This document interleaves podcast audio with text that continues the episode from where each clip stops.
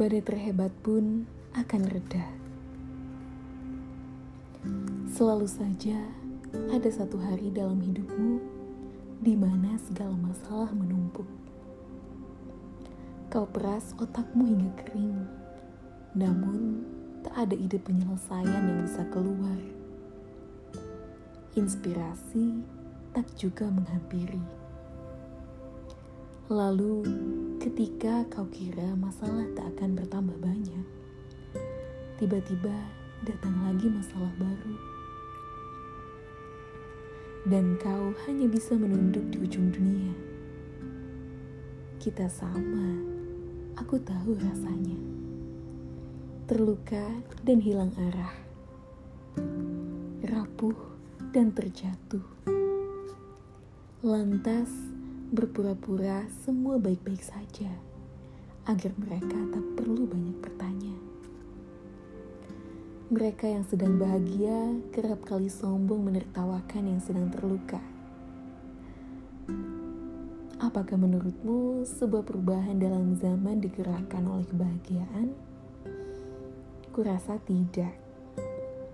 Kurasa orang-orang yang merasa tidak puas yang merasa galau, yang merasa sedih, yang merasa sakit, dan yang merasa marah, yang pada akhirnya berkehendak kuat untuk mengubah keadaan yang buruk menjadi lebih baik.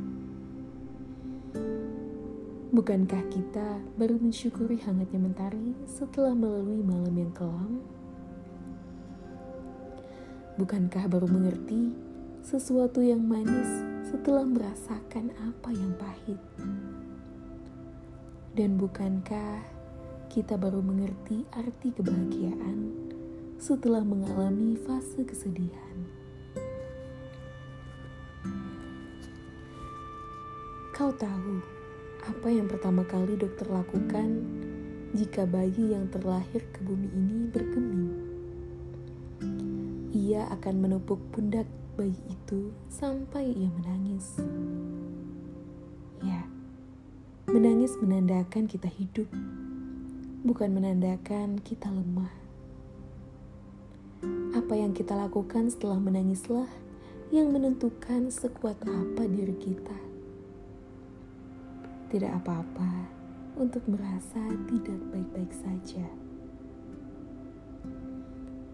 Biarlah yang terluka menikmati waktunya.